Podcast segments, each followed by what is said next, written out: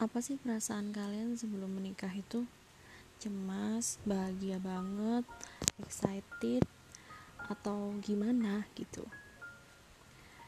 Tapi kok yang kerasa di aku itu bukan rasa bahagia yang ada di pelupuk mata. Waktunya udah deket lagi sebulan lagi mau nikah bahagia harusnya seperti itu cuman yang dominan perasaanku sekarang itu sedih banget sedih bangetnya itu ngerasa takut takut jauh dari orang tua gitu. Mungkin bagi sebagian orang yang uh, kuliahnya udah terbiasa di luar kota beda kota sama orang tua atau kerja di tempat yang beda kota sama orang tua itu hal yang biasa gitu. Cuman bagi aku itu tuh hal yang sangat sangat sangat sangat menyedihkan buat aku. Karena hmm, hubunganku sama ayah dan ibuku itu bagiku itu segala-galanya gitu. Aku gak punya temen. Dan aku biasa aja nggak punya teman aku nggak ngerasa hal itu adalah hal yang bikin aku galau atau sedih. Tapi justru dengan orang tuaku dengan aku punya orang tuaku dengan kehadirannya di hidupku itu sudah melengkapi semuanya dan aku ngerasa cukup dengan itu itu membahagiakan. 25 tahunku itu sangat membahagiakan. Aku bahagia dengan keluargaku ayah dan ibuku. Tapi justru itu seperti bumerang buat aku sendiri. Bumerangnya gimana? Ya sekarang ini ketika udah mendekati hari pernikahan sebulan lagi mau nikah galau banget rasanya tuh sedih tapi ada bahagianya. Bahagianya tuh ya bahagia karena mau menikah gitu. Kadang sampai kepikiran aku ini udah siap gak sih untuk menikah? gitu. Kalau ditanya kamu cinta nggak sama calon suamimu? Ya sangat cinta makanya aku memutuskan untuk mau menikah sama dia jadi permasalahannya bukan di situ tapi gimana nih aku yang hidupku istilahnya itu ayah dan ibuku mendominasi semua yang ada di kegiatanku hatiku semuanya. Ini aku harus jauh dari mereka. Sebenarnya nggak jauh. Cuman perasaan-perasaan yang apa ya susah untuk diungkapkan gitu. Uh, kayak jadi overthinking gitu. Makin ke sini makin mendekati harinya sedihnya makin kerasa galau nya makin kerasa dramanya makin ya mulai. Karena nggak hanya perasaan ini ada di aku tapi ada di perasaan orang tuaku juga gitu. Ibuku juga sangat galau dan beberapa kali nangis di depanku karena mau melepaskan anaknya untuk menikah gitu.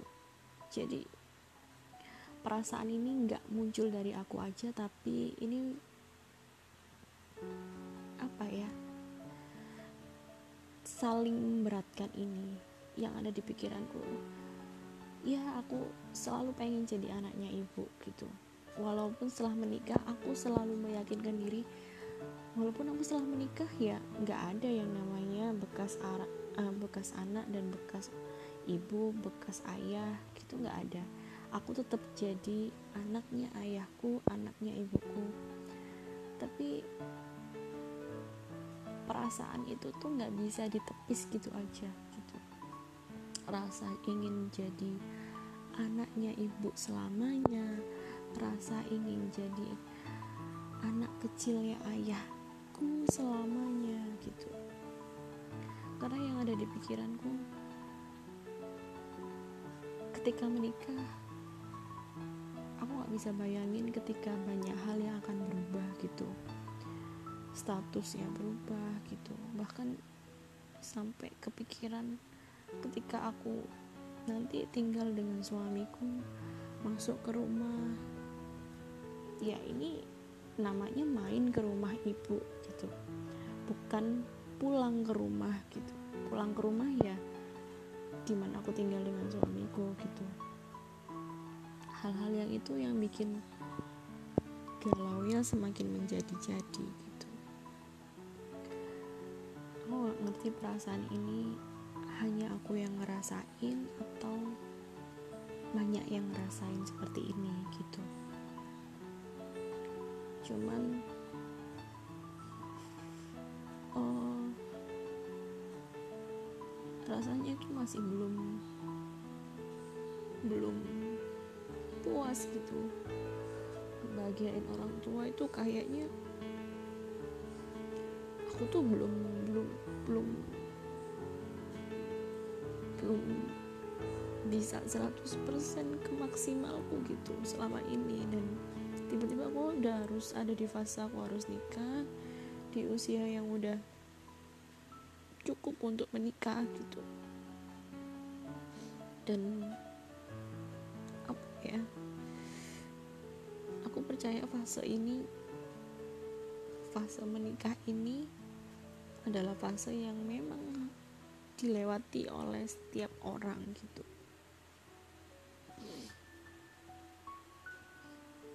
Uh, jauh dari orang tua walaupun aku nggak bisa ngebayangin apakah semua ketakutanku ini akan jadi kenyataan di setelah menikah? Cuman perasaan ini tuh nggak bisa hilang dari hari ke hari gitu. Walaupun aku selalu berusaha untuk menyembunyikan itu di depan orang tuaku. Berusaha kelihatan bahagia dan excited menunggu hari pernikahan itu datang biar orang tuaku juga melihat anaknya bahagia gitu. Aku nggak cerita ini ke orang tuaku tapi ternyata orang tuaku juga menahan rasa yang sama. Berusaha bahagia di depan anaknya. Karena anaknya mau menikah dengan orang yang dia cintai gitu. Aku nggak tahu aku ini lebay atau gimana. Cuman aku gak bisa ngehandle perasaanku sendiri gitu. Ketakutan ketakutan yang besar. Takut. Karena aku selalu pengen ayah dan ibuku selalu tampak di pelupuk mataku. Aku harus lihat mereka baik-baik aja memastikan mereka sehat dan 24 jam aku pengen mereka selalu ada di jangkauan mataku gitu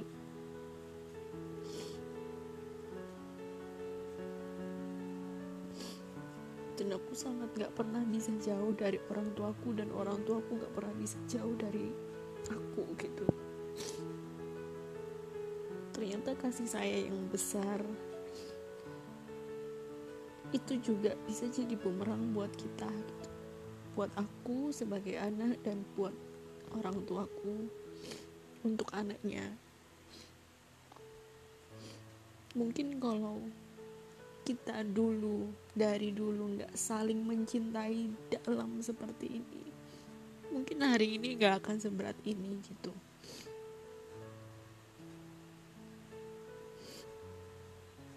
Dan aku nggak bisa membendung perasaan ini dan aku nggak tahu apakah aku bisa cukup dewasa untuk menghandle perasaanku ini. Dan siap untuk menikah.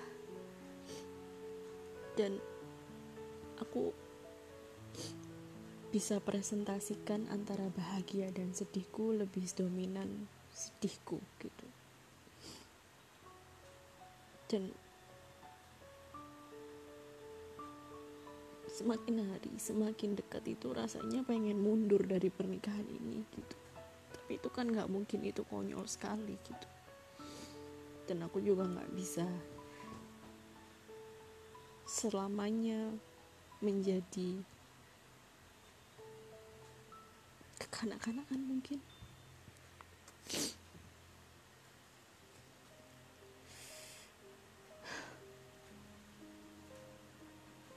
ada nggak sih yang ngerasain seperti ini gitu? Ketakutan yang besar.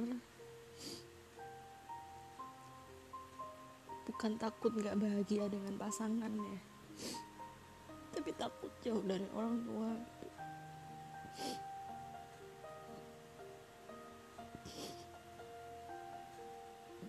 jadi bener-bener jadi orang yang sangat sensitif gitu. Sangat sangat sensitif sangat sensitif gitu banyak bapernya jadinya.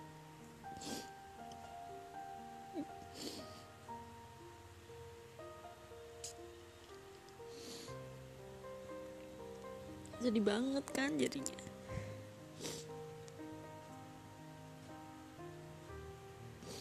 Pengen pengen pengen banget ngomong sama ibu. Kalau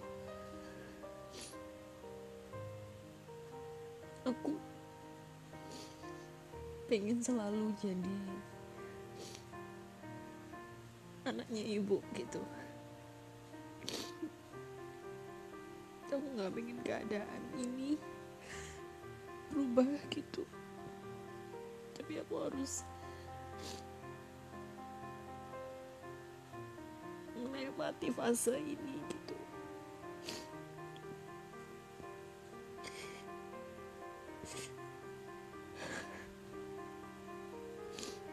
keluargaku tuh keluarga yang kalau ada istilah di atas keluarga yang harmonis gitu mungkin aku gambarkan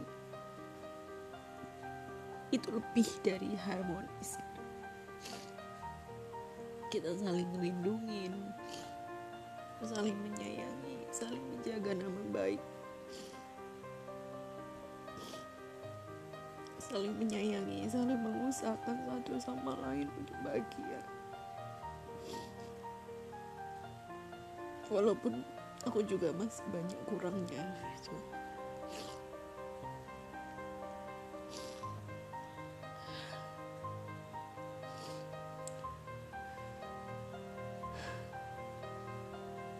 kalau pengen di ceritain mundur jadi dulu kita bukan keluarga yang berlebihan. Tapi karena itu kita jadi sangat dekat dan saling menguatkan itu.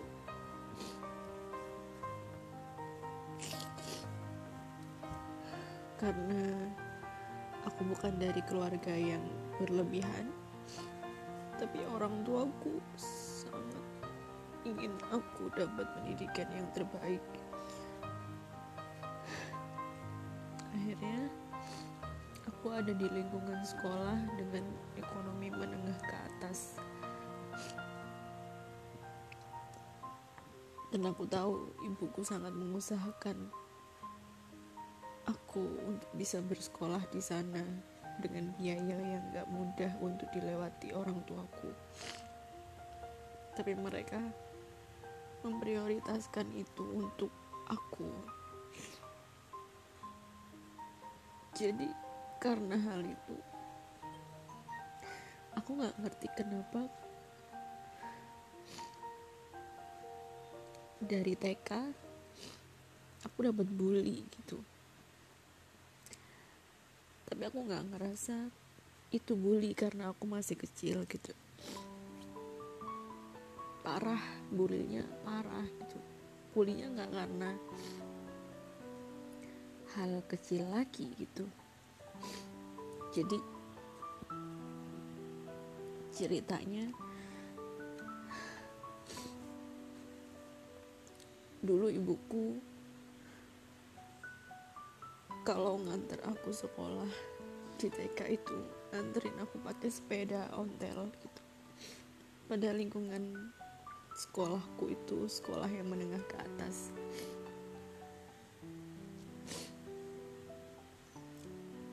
Pakai bahasa internasional dan sebagainya di zaman itu.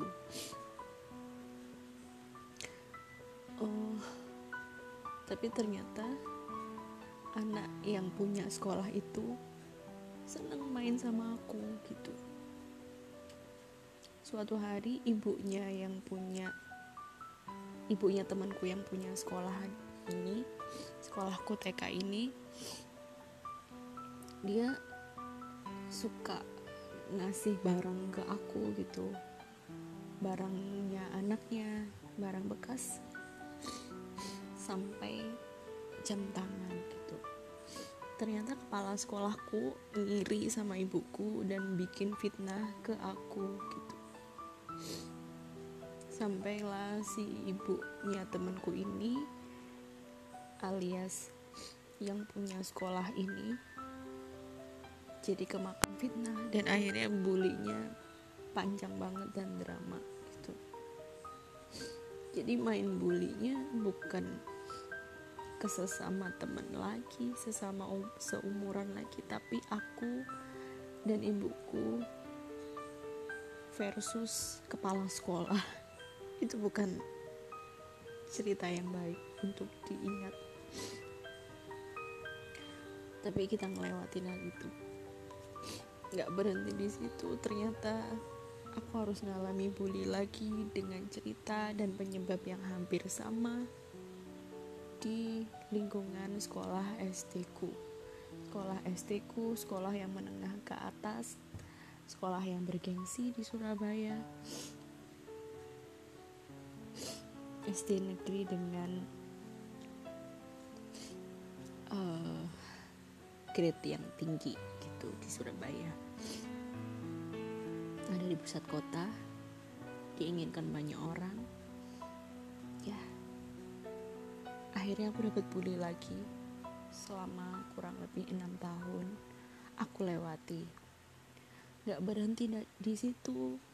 Lanjut ke SMP karena sekolah SMP ku itu adalah sekolah yang gak jauh dari SD ku. Jadi rata-rata sekolah anak teman-temanku SD itu adalah temanku SMP sama SMP ku ini adalah sekolah favorit SMP favorit nomor satu di Surabaya. Dan aku juga dapat cerita yang kurang lebih sama lah gitu.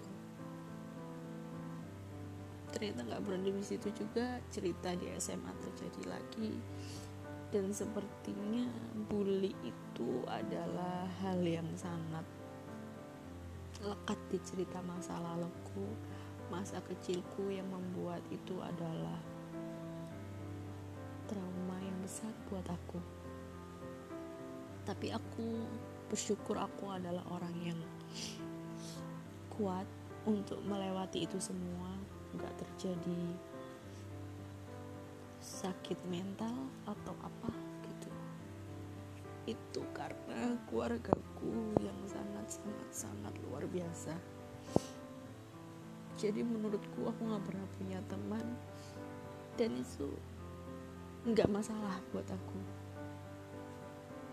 Dan akhirnya itu membuat peran dan posisi keluarga itu adalah yang sangat dominan di hidupku dan aku sangat bergantung dengan cinta kasih mereka. Jadi membuat ini semua jadi berat ketika mau menikah gitu. Dan aku nggak ngerti apa solusinya untuk ini bakal berusaha gitu. Berusaha biar terlihat baik-baik saja, terlihat terlihat ringan untuk melakukannya. Biar ayah sama ibuku juga nggak berat untuk melepaskan aku gitu. Melepaskan sebagai istri orang gitu. Dan yang paling menyakitkan lagi ketika ibu bilang ke aku dulu waktu kamu mondok kamu jauh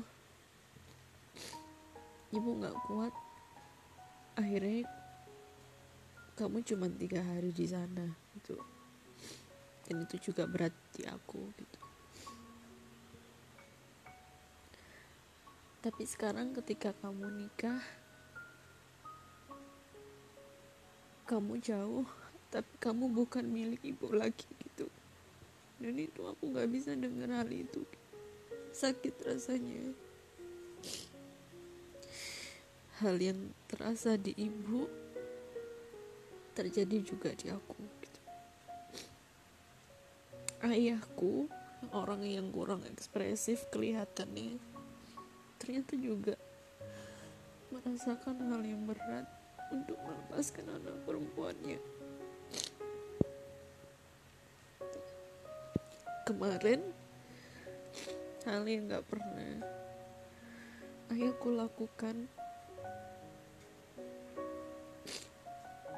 aku gak nangis aku gak kenapa-napa tiba-tiba ayahku datang ke kamar di saat aku udah mau tidur tiba-tiba tidur di samping kasur tempat tidurku aku gak berani menatap matanya karena aku takut air mataku pecah. Aku membelakangi.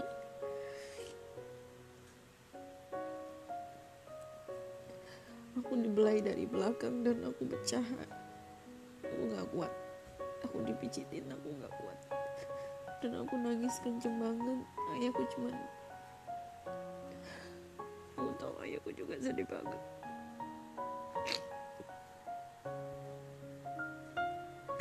Aku pengen menikmati waktu sebulanku ini dan benar-benar bahagia dan gak pengen membuat mereka sedih gitu.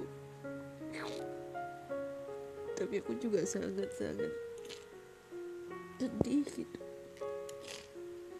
bisa gak aku bisa jadi perempuan yang bisa melayani suami kalau perasaanku masih ada seperti ini gitu.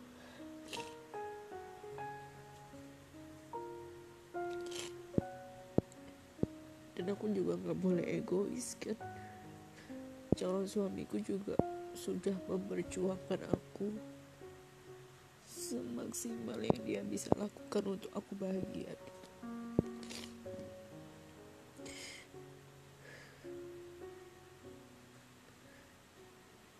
Sampai menghayal gitu. Kalau punya uang lebih kalau punya uang segini mau bangun rumah biar bisa kita ngumpul lagi apa segala macam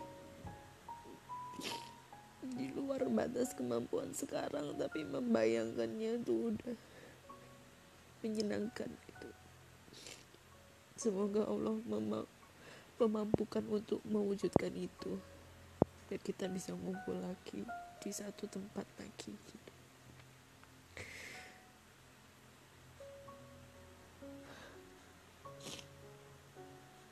aku berusaha biar perasaan ini gak tampil ke mereka biar yang kelihatan di mereka adalah aku bahagia dan aku baik-baik aja.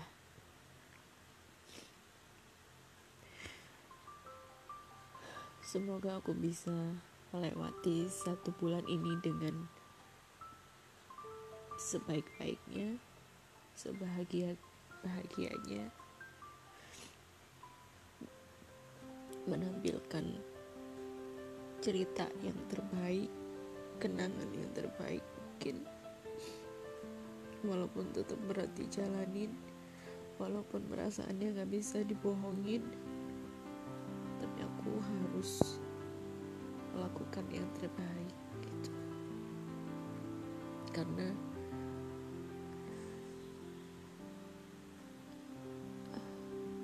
mungkin kebahagiaan anak adalah kebahagiaan orang tua.